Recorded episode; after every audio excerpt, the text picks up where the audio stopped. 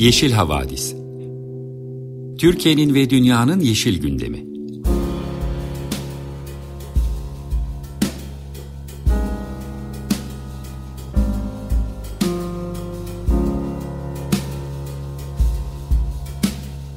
Hazırlayan ve sunanlar Selin Uğurtaş ve Savaş Çömlek.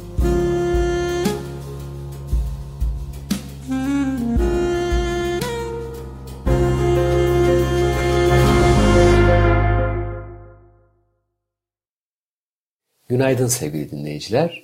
Açık Radyo 95.0 Yeşil Havadis programı dinliyorsunuz. Ben Savaş Çömlek. Selin Uğurtaş'la birlikte hazırladığımız bu programda haftanın ekoloji ve iklim gündemini Yeşil Gazete'nin bakış açısıyla değerlendirip yine gündeme ilişkin sizin için bir röportaj hazırlıyoruz. Programın diğer bölümlerine geçmeden önce bu güzel cumartesi sabahına merhaba demek, güneşe günaydın demek için genç bir sanatçının sesine kulak verelim diye öneriyorum. Bir süredir kendisini ve müziğini tanımaktan çok memnun olduğum bir sanatçı Deniz Tekin. Bilindiği gibi 1997 doğumlu Deniz Tekin ilk albümünü 2019 yılında hazırladı. Koza Kuluçka albümünde 9 şarkı yer almıştı. Önceleri dijital ortamda Dapit kullanıcı adıyla kavurlar yayınlıyordu. Daha sonra 2015 yılında Ahmet Kaya'nın Vur Benim isimli şarkısıyla internette bol miktarda takipçi kazandı. seveceğinizi umduğum bir ses, bir müzisyen. Yeniden güne merhaba diyelim. Deniz Tekin'in Güneşe Doğru şarkısını dinleyelim. Sevgili dinleyiciler, Yeşil Havadis programının ekoloji bültenine güzel bir haberle başlamak istiyoruz. Yeşil Gazete TV'nin yeni yayın döneminin başladığı duyurulmuş. Yeşil Gazete TV'nin 17 Ekim Pazartesi günü başlayacak yeni yayın döneminde hafta içi her akşam 21.00'da 16 programcı tarafından hazırlanan 10 program dönüşümlü olarak yer alacakmış. Yeşil Gazete TV'de ayrıca gün içi gündemdeki gelişmelerle ilgili söyleşiler ve video haberleri de bulunacakmış. Kimler kimler var Yeşil Gazete TV'nin sunduğu programlarda? Pazartesi günleri haftanın siyasi gündemi Mahmut Boynudelik, Koray Doğan Urbarlı tarafından sunulacakmış. Salı günleri Morlu Yeşilli'de Feminist Gündem Nilüfer Sayılan tarafından hazırlanacak. Yeşil Ekonomi gündemi Özge Doruk ve Ahmet Atıl Aşıcı tarafından hazırlanacak.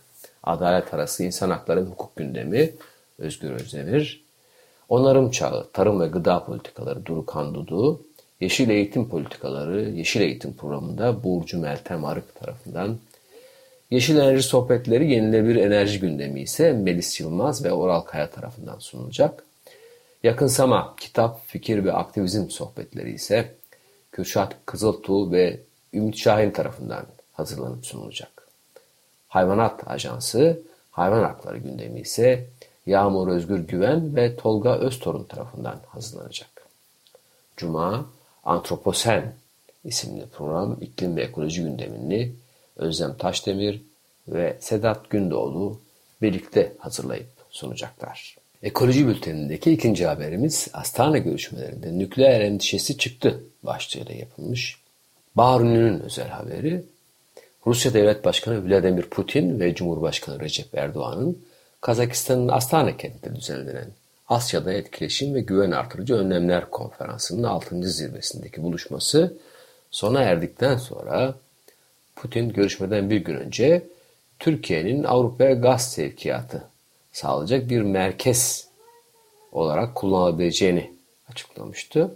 Erdoğan ise bu konuyla ilgili görüş bildirmemişti. Ancak Kremlin sözcüsü teklifin Türk tarafı tarafından memnuniyetle karşılanacağını bildirmişti. Erdoğan ise konuşmasında Akkuyu'nun birinci ünitesinin önümüzdeki yılın ilk yarısında açılması dünyada farklı bir ses getirecektir deyip Sinop ile ilgili bir adım atılabilirse bu tabii çok daha farklı bir çarpan etkisi yapacaktır demişti. Sinop nükleer güç santrali projesi hala yargıda. 2010 yılında başlanan süreç Japonya ile başlatılmıştı. Ne yazık ki Japonya Japon şirketi daha doğrusu chat başvurusu yapmadan süreçten çekildi. Chat süreciyle ilgili birçok sorun yaşandıktan sonra bu sürece ilişkin halkın katılım toplantısı Sinop halkının itirazlarına rağmen yapılmış sayılmıştı. 2019 yılında Aralık ayında Ankara'da yapılan değerlendirme toplantısında ise Sinop'tan katılan sivil toplum örgütleri alınmamıştı. ÇED raporu ise Çevre ve Şekilcilik Bakanlığı tarafından 11 Eylül 2020 tarihinde onaylanmıştı. Projeye verilen ÇED olumlu kararına ilişkin birçok meslek odası ve çevre örgütü dava sürecini başlatmışlardı. Ama dava süreci de reddedilmişti. Davacılar yeniden Danıştay'a başvurmuştu. Projenin chat raporunda nükleer santralin inşaatı ve işletmesi sırasında oluşabilecek etkiler, atıklar için ara depolama, son depolama aşaması gibi en önemli konular dahil pek çok pek çok eksiklik mevcuttu.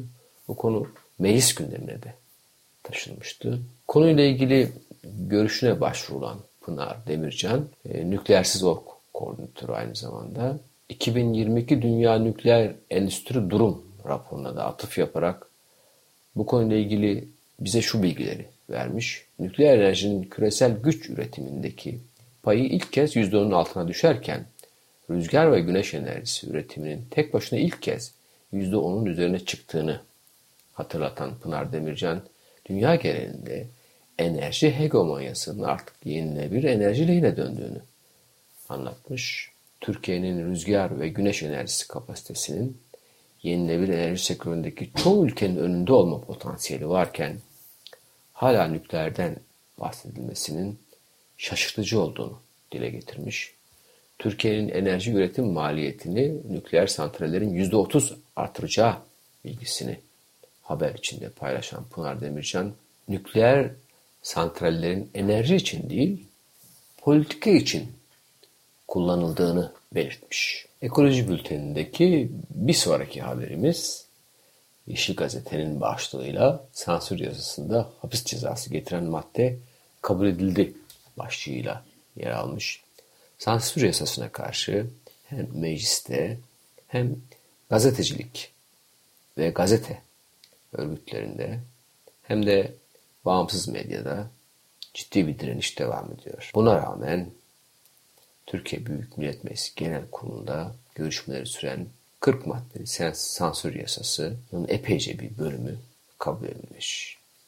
Bunların içerisinden halkı yanıltıcı bilgiyi alenen yayma suçlamasını içeren en kritik 29. maddesi ise ne yazık ki kabul edilmiş. Bu maddeye göre sırf halk arasında endişe, korku ve panik yaratmak sahikiyle ülkenin iç ve dış güvenliği, kamu düzeni ve genel sağlığı ile ilgili gerçeğe aykırı bir bilgiyi kamu barışını bozmaya elverişli şekilde alenen yayan kimse bir yıldan üç yıla kadar hapis cezalandırılacak maddesi yer almaktaydı. Gazeteciler, aktivistler ve kamuoyu sansür yasasının meclisten geçirilmemesi için günlerdir birçok şekilde farklı protestolar gerçekleştiriyorlar. Sosyal medya üzerinde yapılan eylemler Türkiye'nin Twitter gündeminde birinci sıraya yükselmiş durumda. Basın mensupları susmak yok. Onlar sus dedikçe biz yazacağız demişti.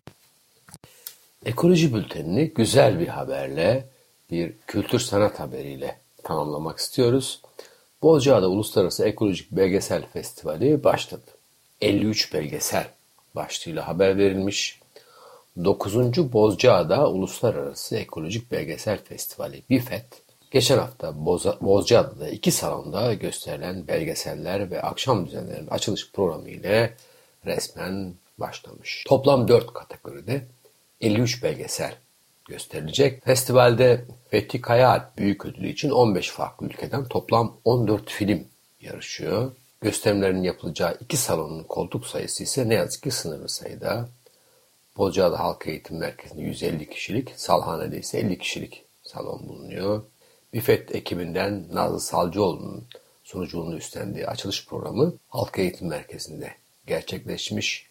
Mert Gökalp'in İstilacılar filmiyle başlamış. Açılış seremonisinde konuşan festival yönetmeni Petra Holzer böyle zamanlarda yani dayanışmadan, samimiyetten, sanattan umudunu kestiğimiz zamanlarda sadece kendi hakkını değil, hepimizin hakkını savunan birileri çıkıyor.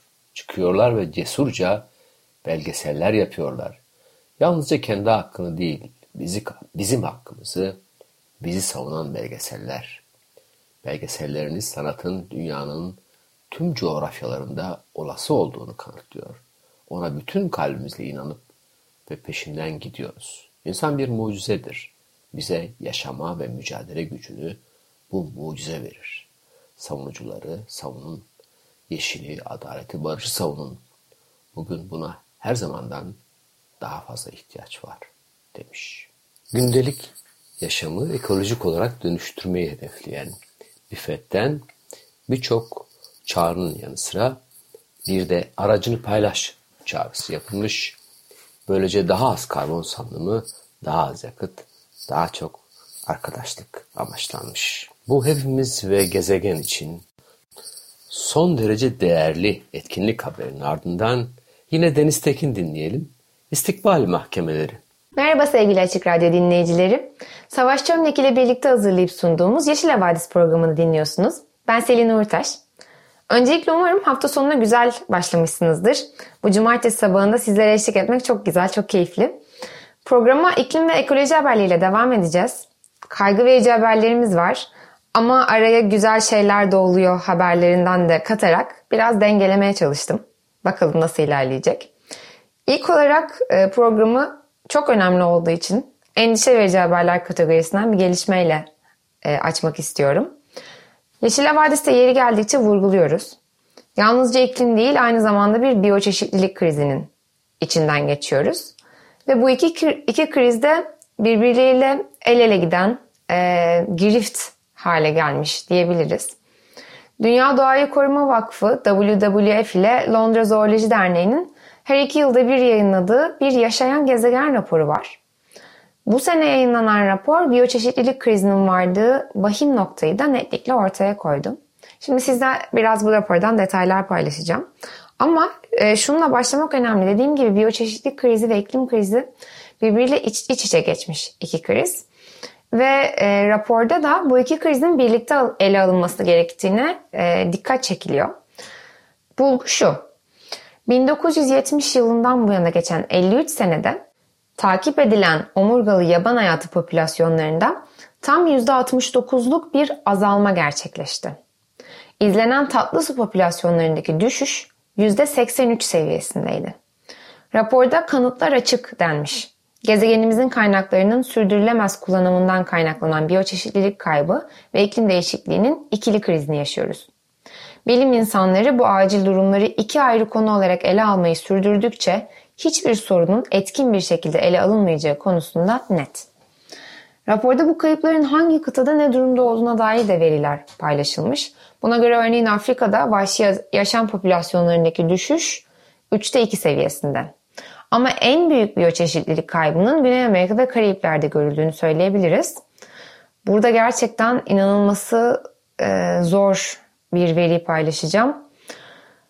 E, biyoçeşitlilik kaybının %94 olduğunu söylüyor rapor. Vahşi yaşam popülasyonlarının karşı karşıya olduğu tehditlerin yarısı habitat kaybı ve göç yolları önündeki engeller. Ormansızlaşmanın %80'inden fazlası ise gıda sistemlerimizden kaynaklanıyor. Raporda meselenin kuzey, küresel kuzey ve güney arasındaki adaletsizlik boyutuna da dikkat çekilmiş. Çevresel bozulmanın çoğundan sanayileşmiş ülkeler sorumludur. Ancak biyoçeşitlilik kaybından orantısız şekilde etkilenen gelişmekte olan ülkelerdir denmiş. WWF Türkiye Genel Müdürü Aslı Pasini de bu duruma şu şekilde değinmiş. Çevresel kayıplardan en çok dünyanın en savunmasız toplulukları etkileniyor diyor Pasini. Küresel ekonomi ve milyarlarca insanın geçimi doğaya bağlı. İklim, çevre ve toplum sağlığı krizlerini önlemek için biyoçeşitlilik kayıplarını önlemek ve hayati öneme sahip ekosistemleri geri getirmek küresel gündemin en önemli maddeleri haline gelmeli. Peki bu nasıl olacak? Raporun çağrısı biyoçeşitlilik krizi içinde Paris Anlaşması'na benzer uluslararası bir taahhütte bulunulması. Kasım ayında Mısır'da düzenlenecek COP27 iklim zirvesinden sık sık söz ediyoruz. Bir de Aralık ayında Montreal'de düzenlenecek olan COP15 biyoçeşitlilik zirvesi var. Bu zirvenin aslında Çin'de yapılması gerekiyordu. Ama pandemi vesaire derken bir türlü yapılamadı. İş biraz yılın hikayesine döndü ve nihayet toplantının Kanada'da düzenlenmesine karar verildi. İşte bu biyoçeşitlilik zirvesinin bir dönüm noktası olması çağrısında bulunuluyor. Aynı iklim krizinde olduğu gibi biyoçeşitlilik krizinde de zamanımız çok az. Ve biz karar verene kadar birçok tür geri döndürülemez biçimde dünyadan yok oluyor maalesef. Evet yavaş yavaş iklim haberlerine kayalım.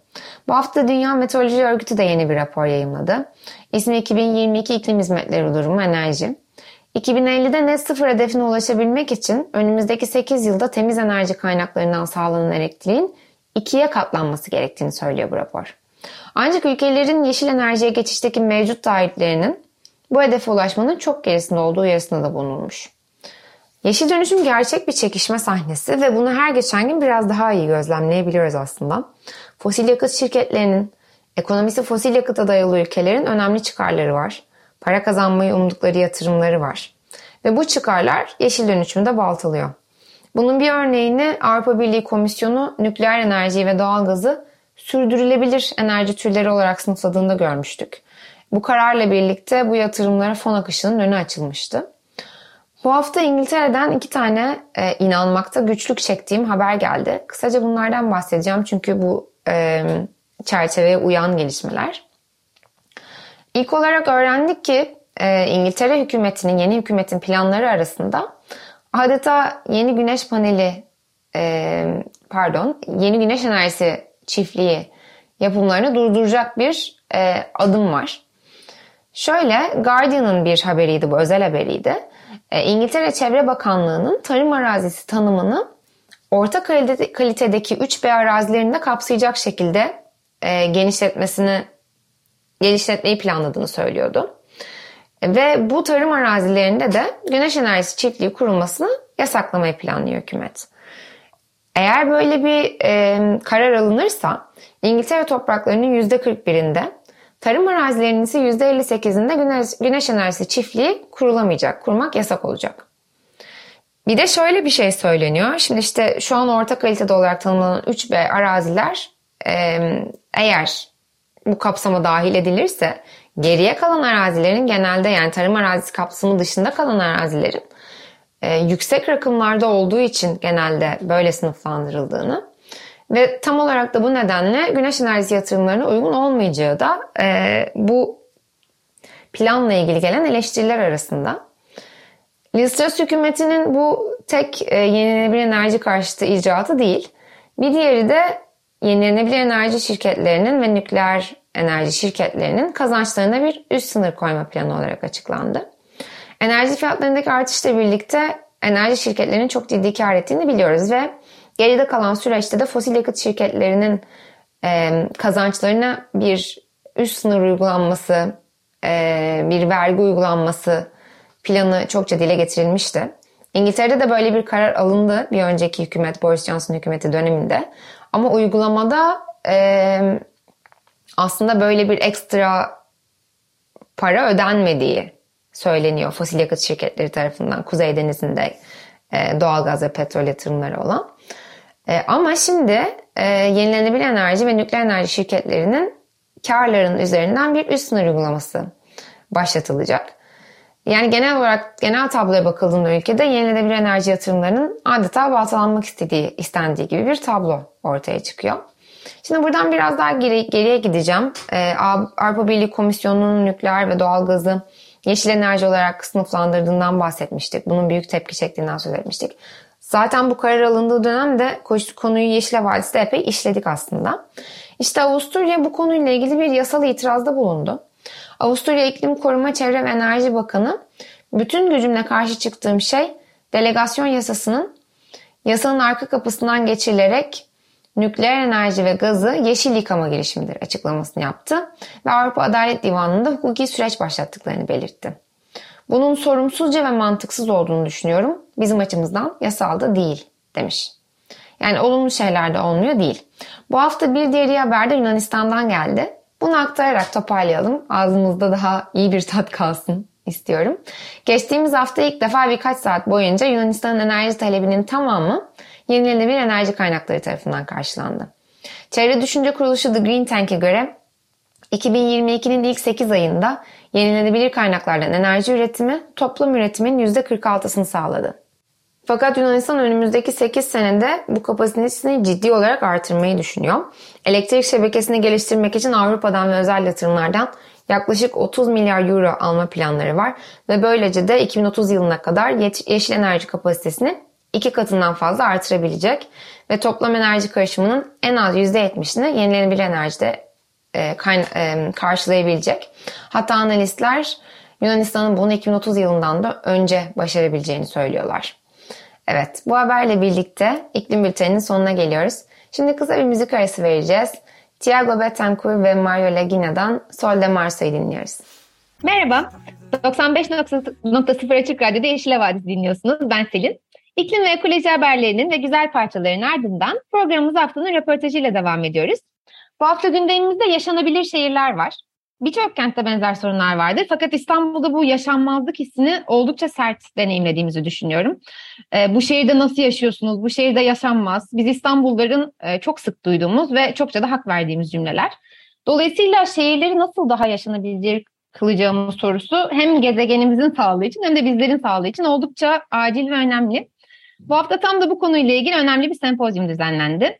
WRI Türkiye 10. Yaşanabilir Şehirler Sempozyumunu organize etti. Bugün de WRI Türkiye'nin direktörü Doktor Güneş Cansız bizimle birlikte. Merhaba Güneş Hanım. Merhaba Selin Hanım. Öncelikle çok teşekkür ediyorum bu davetiniz için. Burada olmak bizim için de çok güzel. Ben çok teşekkür ederim. Sizin açınızdan oldukça yoğun bir haftaydı. Buna rağmen zaman ayırıp gelmiş olmanız çok kıymetli. Çok teşekkür ederiz. Ee, aslında e, temel bir soruyla başlamak istiyorum. Şehirler kapladıkları alan bakımından çok büyük değiller. Ama iklim kriziyle mücadelede çok büyük önem taşıyorlar. Ee, iklim değişikliğiyle mücadele ederken şehirlerin rolü ve önemi nedir? Bize kısaca anlatabilir misiniz? Tabii ki aslında dediğiniz gibi şehirler dünyada kapladığı yüz ölçme alan olarak düşük olmasına rağmen e, bizim e, gibi uzmanların varsayımlarıyla 2030 yılında dünya nüfusunun %70'i şehirlerde yaşayacak. Bugün de her iki kişiden biri şehirlerde yaşıyor diyoruz. Bu nedenle de 2050 yılına kadar bu mevcut e, kent nüfusuna iki buçuk milyar kişi daha eklenecek. Şimdi bile şehirler küresel sera gazı emisyonlarının yüzde yetmişinden sorumlu. Aslında bu nedenle hep iklim krizini konuşurken şehirleri hem suçluyoruz hem de çözümü de şehirlerde diyoruz. Şehirlerimiz e, tabii ki büyüyor, büyüyecek, e, büyümek zorunda. Ancak büyüdükçe de bu eşitsizlikler kentliler adına, şehirde yaşayanlar adına artıyor. Geçim kaynakları azalıyor, kentsel altyapı, e, nüfustaki ne yazık ki bu hızlı artışa ayak uyduramıyor ve uyduramayacak. E, insanların dediğiniz gibi e, şehirde yaşamak, özellikle İstanbul gibi bir şehirde yaşamak çok zorlu, çetin. E, mega kentlerde yaşayanlar için, şehirler için e, çok fazla e, sorun var. E, bu nedenle de insanların temel ihtiyaçlarını aslında karşılamak zorunda olduğu e, bu büyük şehirlerde e, hem küresel kalkınmayla ilgili sorunlar hem iklim sorunları e, giderek aslında e, önemli meseleler haline geliyor. Bu nedenle aslında biz sürdürülebilir şehirler çalışıyoruz. WRA olarak biz sürdürülebilir şehirler programı e, üzerine çalışıyoruz ve diyoruz ki evet tüm bu sorunların kaynağı şehirler ancak tüm bu sorunların çözümü de sürdürülebilir şehirlerde yatıyor. Peki bize bunu biraz e, açıklayabilir misiniz? Bir şehrin sürdürülebilir olması ne demek? Yani biz bütün bu sorunlarımızdan şehir büyümeye devam ettikçe bu nüfus baskısı değişmese bile bir şekilde e, kurtulabilir miyiz? Bunun için ne gibi politikalar takip etmemiz gerek etmemiz gerekir? Tabii ki e, sürdürülebilir bir şehir dediğimizde aslında mevcut kaynakları e, kullanabilen ve bu kaynakları kullanıp gelecek nesillerin ihtiyacını tüketmeden kendi kendine sağlayabilen bir e, şehri anlıyoruz aslında. Yani e, kentsel faaliyetleri yaparken, hizmetleri e, yaparken verimli şekilde kullanan, akıllı çözümlerle bu e, sürdürülebilir şehri e, tamamlayan ve bunları uygulayan bir şehri anlıyoruz. E, yani e, sosyal, çevresel ve ekonomik meselelerin yerel yönetimler, kanun yapıcılar tarafından doğru şehir planlama çözümleriyle e, tasarlandığı bir şehir. E, yani bu şekilde yapıldığında iklim etkisini de e, iyileştirebilen e, bu şekilde tasarlanmış bir şehir. Buna örnek biraz kavramsal olarak söyledim aslında ama buna e, örnek olarak şöyle diyebiliriz aslında. E, ilkokul çağında bir çocuğumuz varsa bu çocuğumuz eğer okuluna yürüyerek ya da bisiklete binerek gidebiliyorsa aslında bu şehir sürdürülebilirdir, yaşanabilirdir. Çünkü dezavantajlı kesimlerin başında çocuklar gelmekte. Bunun haricinde e, tabii ki hepimizin bildiği gibi kadınlar, engelliler, yaşlılar.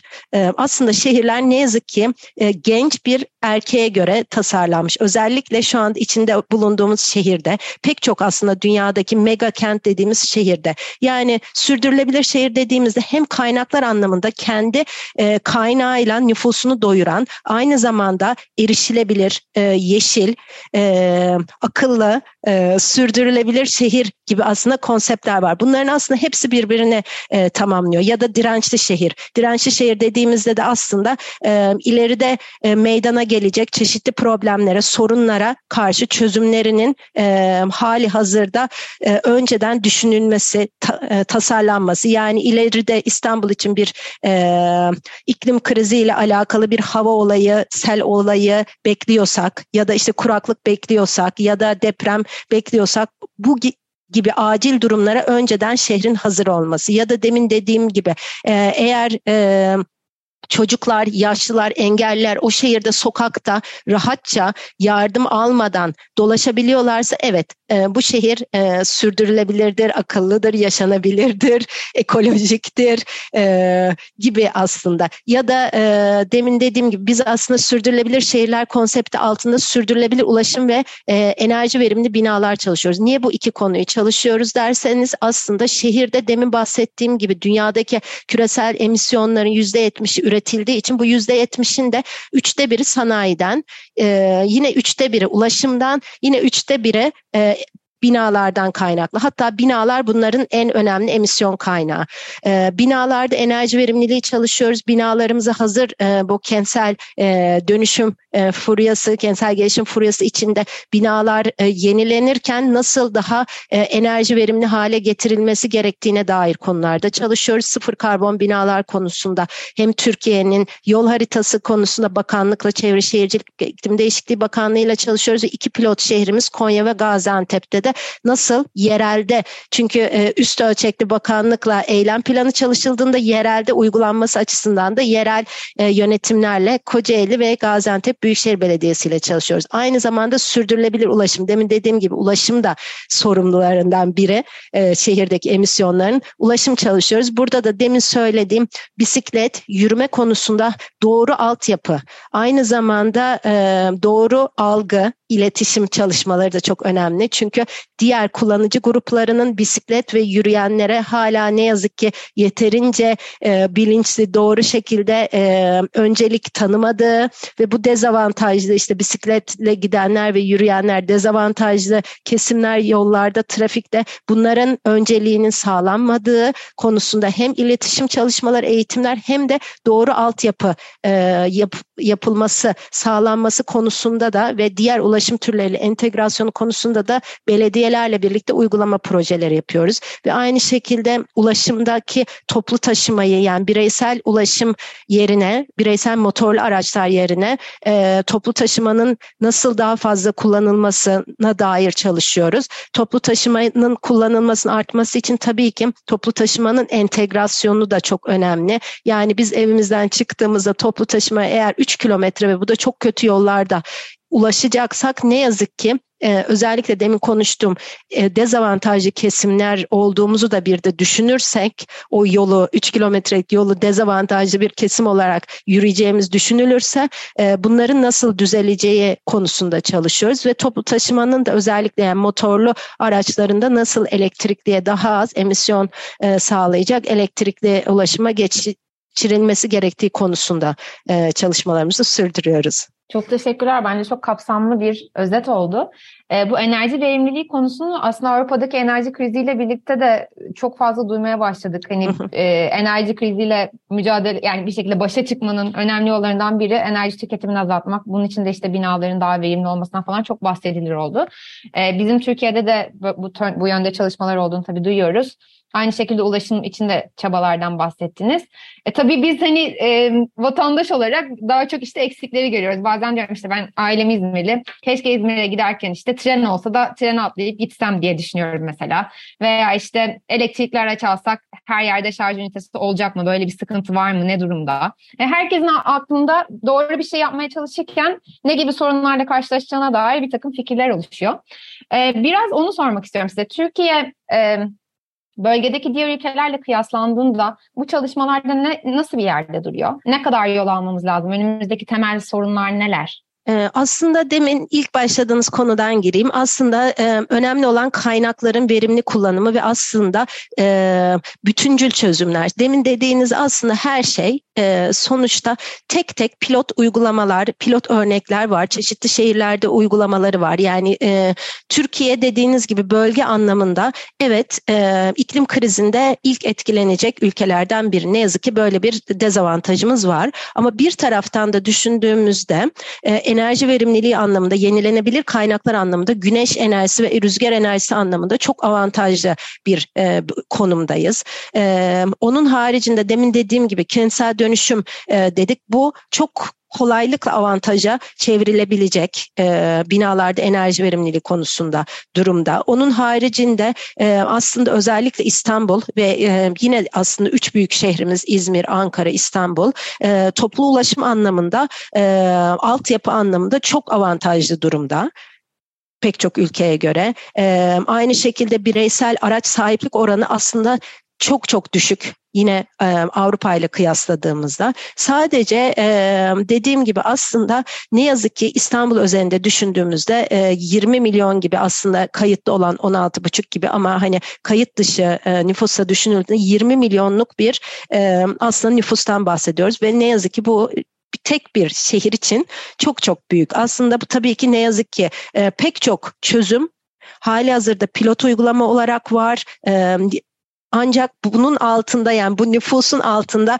ne yazık ki bu çözümler e, yetişmiyor, eksik kalıyor ve tabii ki şehirde yaşayanlar olarak bunlardan e, biz de payımızı alıyoruz.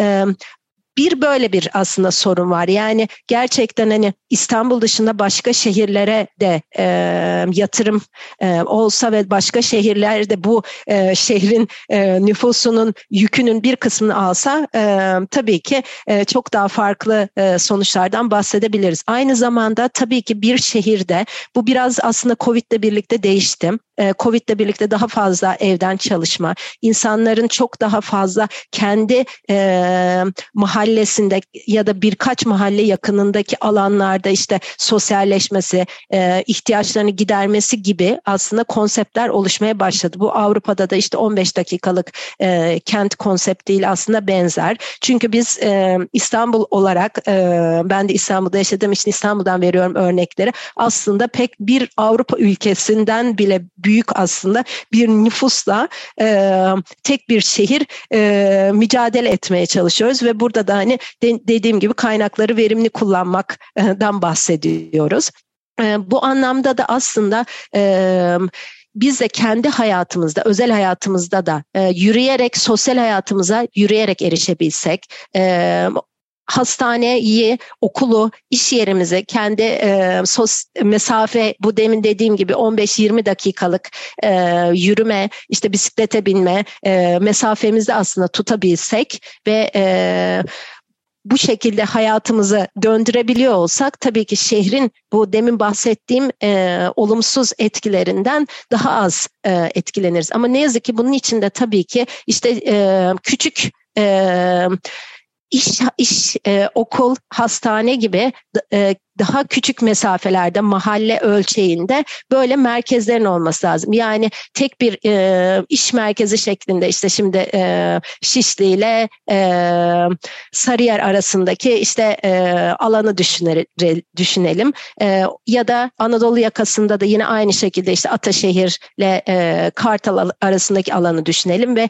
pek çoğumuz aslında plazalarda çalışan, kurumsal hayatta çalışan kişiler aslında sabahları aynı saatlerde aynı yere seyahat etmeye çalışıyoruz. Ama bunu aslında kırdığımızda e, şehrin nasıl Covid'deyken evet çok kötü bir deneyimdi ama işte e, havanın mavisini, denizin mavisini işte görmüş olduk. Havanın ne kadar hızlı bir sürede aslında temizlenebildiğini, suyun temizlenebildiğini bunları deneyebildik. Evet evde hapis kaldık ama yürüyerek de e, pek çok ihtiyacımızı giderebildik gibi. Yani aslında pek çok şehrin içinde İstanbul pek çok aslında e, şehrin birleşimi gibi düşünmek lazım. O yüzden hani bir taraftan e, burada yaşamayı kabul edenler olarak ne yazık ki bunun dezavantajını da bu şekilde değerlendirmemiz lazım.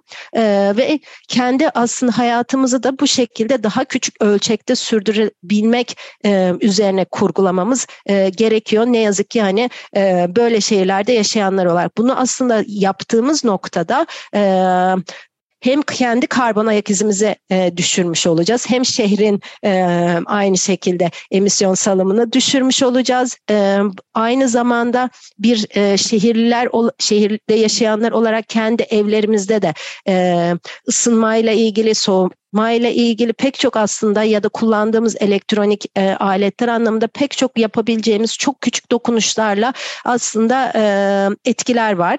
E, bunların üzerine ya da aynı şekilde işte çöplerimizi e, ayrıştırmak gibi e, bu şekilde pek çok pek çok proje var. Ama ne yazık ki işte dediğim gibi bu büyük şehrin karmaşası içinde bunlar hep pilot olarak kalıyorlar. O yüzden aslında bütüncül planlar ve daha yüksek ölçek e, doğru e, projeler e, olması ve e, tabii ki bunların da e, ilk başta ne yazık ki e, çeşitli bilinç değişimi, çeşitli kampanyalar, hatta motivasyonlar e, şeklinde olması. Bunu belediyeler yapıyorlar. E, işte e, yağı getirdiğinizde işte İstanbul ya da işte e, Kadıköy diyeyim ya da başka şey kullanılan kartlara e, bakiye yüklenmesi gibi. Aslında bu bu şekilde olumlu motive edici e, şeylerle, e, oyunlarla ya da motivasyon kaynaklarıyla aslında bizi birazcık e, bu hayatın e, karmaşasında gün içinde böyle unuttuğumuz çok küçük e, dokunuşlarla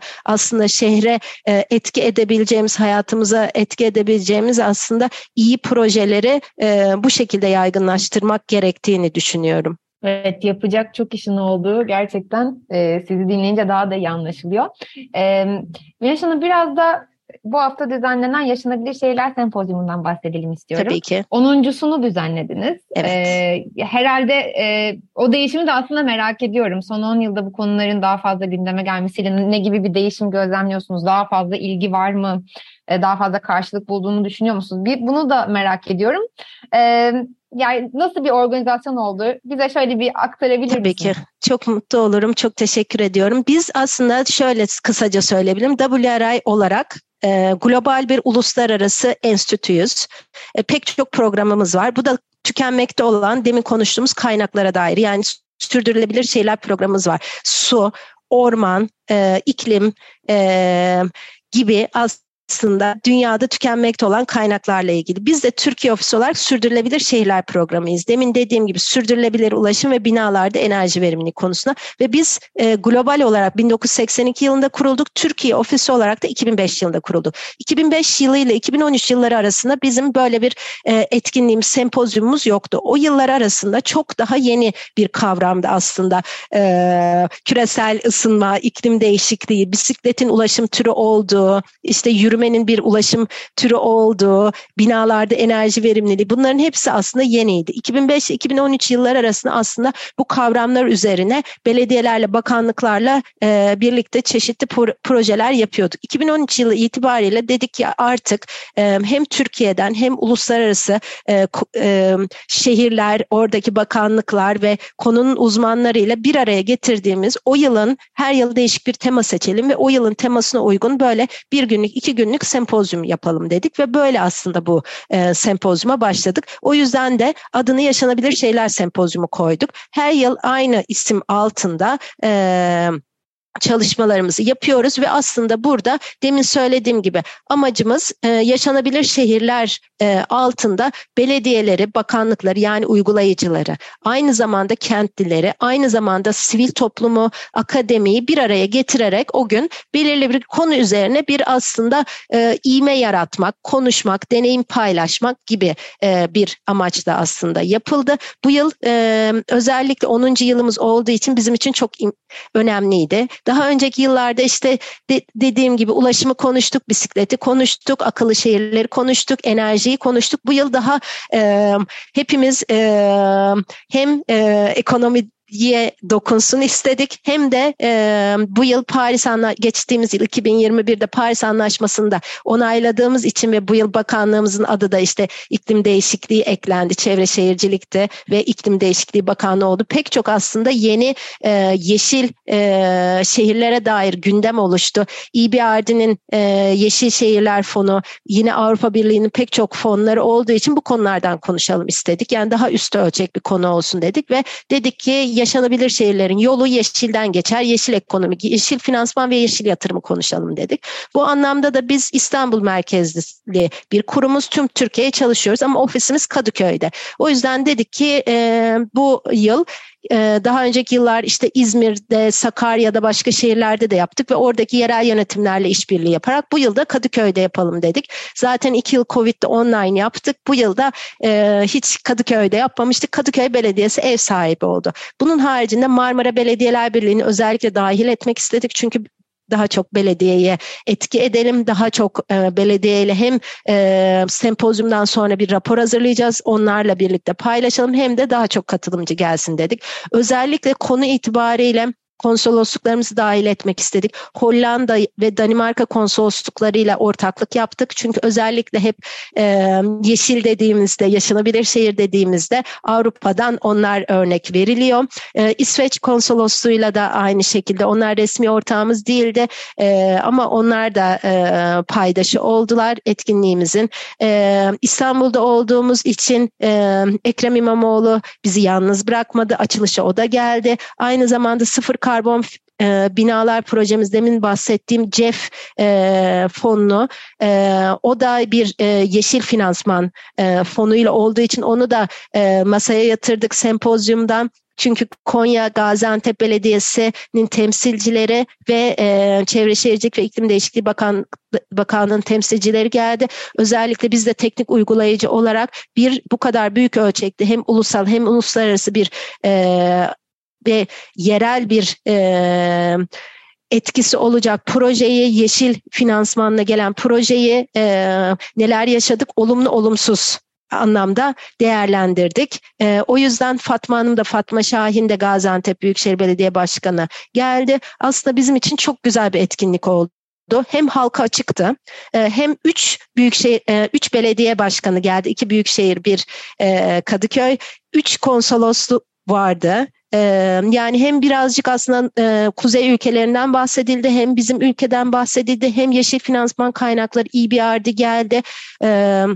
Avrupa Birliği Türkiye delegasyonundan katılımcı e, vardı.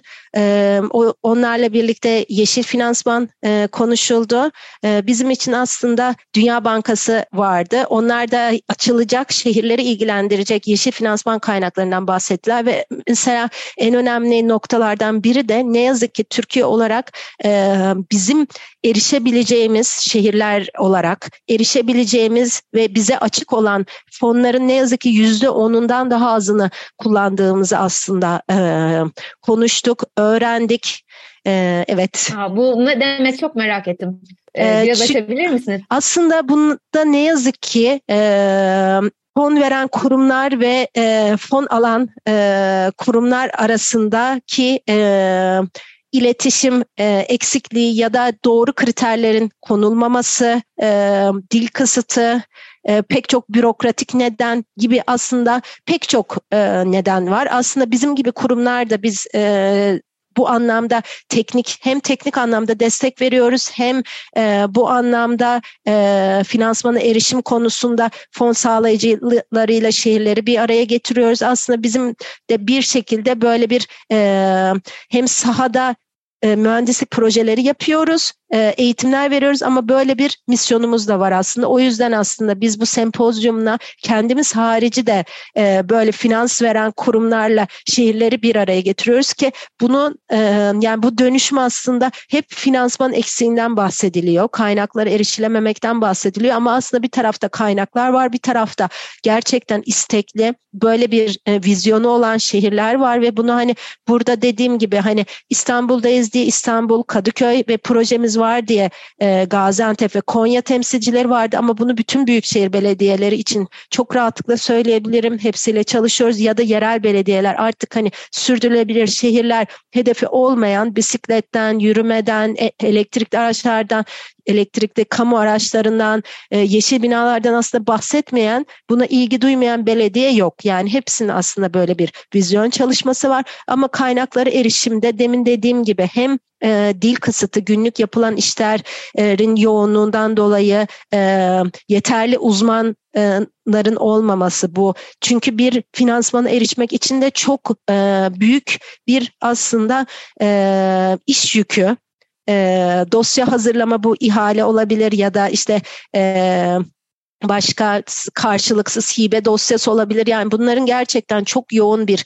yükü var ve gerçekten bunları da belediyeler içinde e, yapmak günlük e, yoğunluk işler arasında yapmak apayrı bir zaten uzmanlık ve apayrı bir insan kaynağı. E, bu tip aslında eksikliklerden de e, bahsettik aslında ne kadar faydalı bir şey dediniz ya işte bir iki gün herkesi bir araya getirelim dediniz ve ne kadar önemli bir şeyin farkına varılmış oluyor belki böylece. Ee, çok kıymetli çabalar, çok teşekkür ederiz. Zaman ayırıp bu kadar detaylıca anlattınız. Biz de artık yaşanabilir şeyler ne anlama geliyor biraz daha iyi biliyoruz sayenizde. Çok teşekkür ederim Güneş ben, Hanım. Ben çok teşekkür ederim. Sözlerimi şu şekilde tamamlayabilirim. Aslında yani hem şehirlerdeki teknik uzmanlar olarak e, şey, hem şehirde yaşayanlar olarak hem işte bakanlıkta çalışan uzmanlar olarak yani karar vericiler, şehirde yaşayanlar, e, teknik uzmanlar, sivil toplum aslında hepimizin e, bu hedefle sürdürülebilir şehirler hedefiyle yap, yapabileceğimiz çok aslında şey var. E, o yüzden as, amaç e, bunun sadece e, bir e, sözde kalmaması, hepimizin aslında hep birlikte üzerine bize düşeni yapmamız ve e, kendimiz yaptıktan sonra da diğer kişilerden de, diğer sorumlulardan da talep etmemiz. Bunu yaptığımız zaman aslında hepimiz hani gelecek nesillere nasıl bir dünya bırakacağız, onların kaynaklarını tüketiyoruz diyoruz ama bunu bugün yaptığımız noktada bunu e, konuşmamıza gerek olmayacak. Bugün yaptığımız adımlarla aslında bunu hala çözebilecek durumdayız. Çok teşekkürler. Sanırım geçen gün böyle Instagram'da Nilay örnekte görmüştüm. Çok aşıma gitti. Şey, umut bizim hareketlerimizden doğar diyordu. Ee, çok katıldığım bir söz. Ee, sizin de anlattıklarınız bana bunu düşündürdü. Tekrar çok teşekkür ederim. Ben çok teşekkür ediyorum. Çok sağ olun Selin Hanım. Çok, çok sağ olun. Röportajın başını kaçıranlar için tekrarlayalım. WRI Türkiye Direktörü Doktor Güneş Cansız ile 10. Yaşanabilir Şehirler Sempozyumundan ve yaşanabilir şehirlerin ne anlama geldiğinden bahsettik. Şimdi kısa bir müzik arası vereceğiz. Giuseppe Simoiş'ten Inquietatio'yu dinliyoruz. Bu güzel parçayla birlikte 95.0 Açık Radyo'da yayınlanan Yeşil Havadis programının sonuna geliyoruz. Bu hafta girişi ben değil partnerim Savaş yaptı. O nedenle bu küçük kutlamayı e, kapanışta yapmak durumunda kalıyorum. Bu hafta Savaş'ın doğum günüydü. İyi ki doğmuş diyerek programımızı sonlandırıyorum. Bizi dinlediğiniz için çok teşekkür ederiz. Haftaya cumartesi yine aynı saatte görüşmek üzere. Hoşçakalın.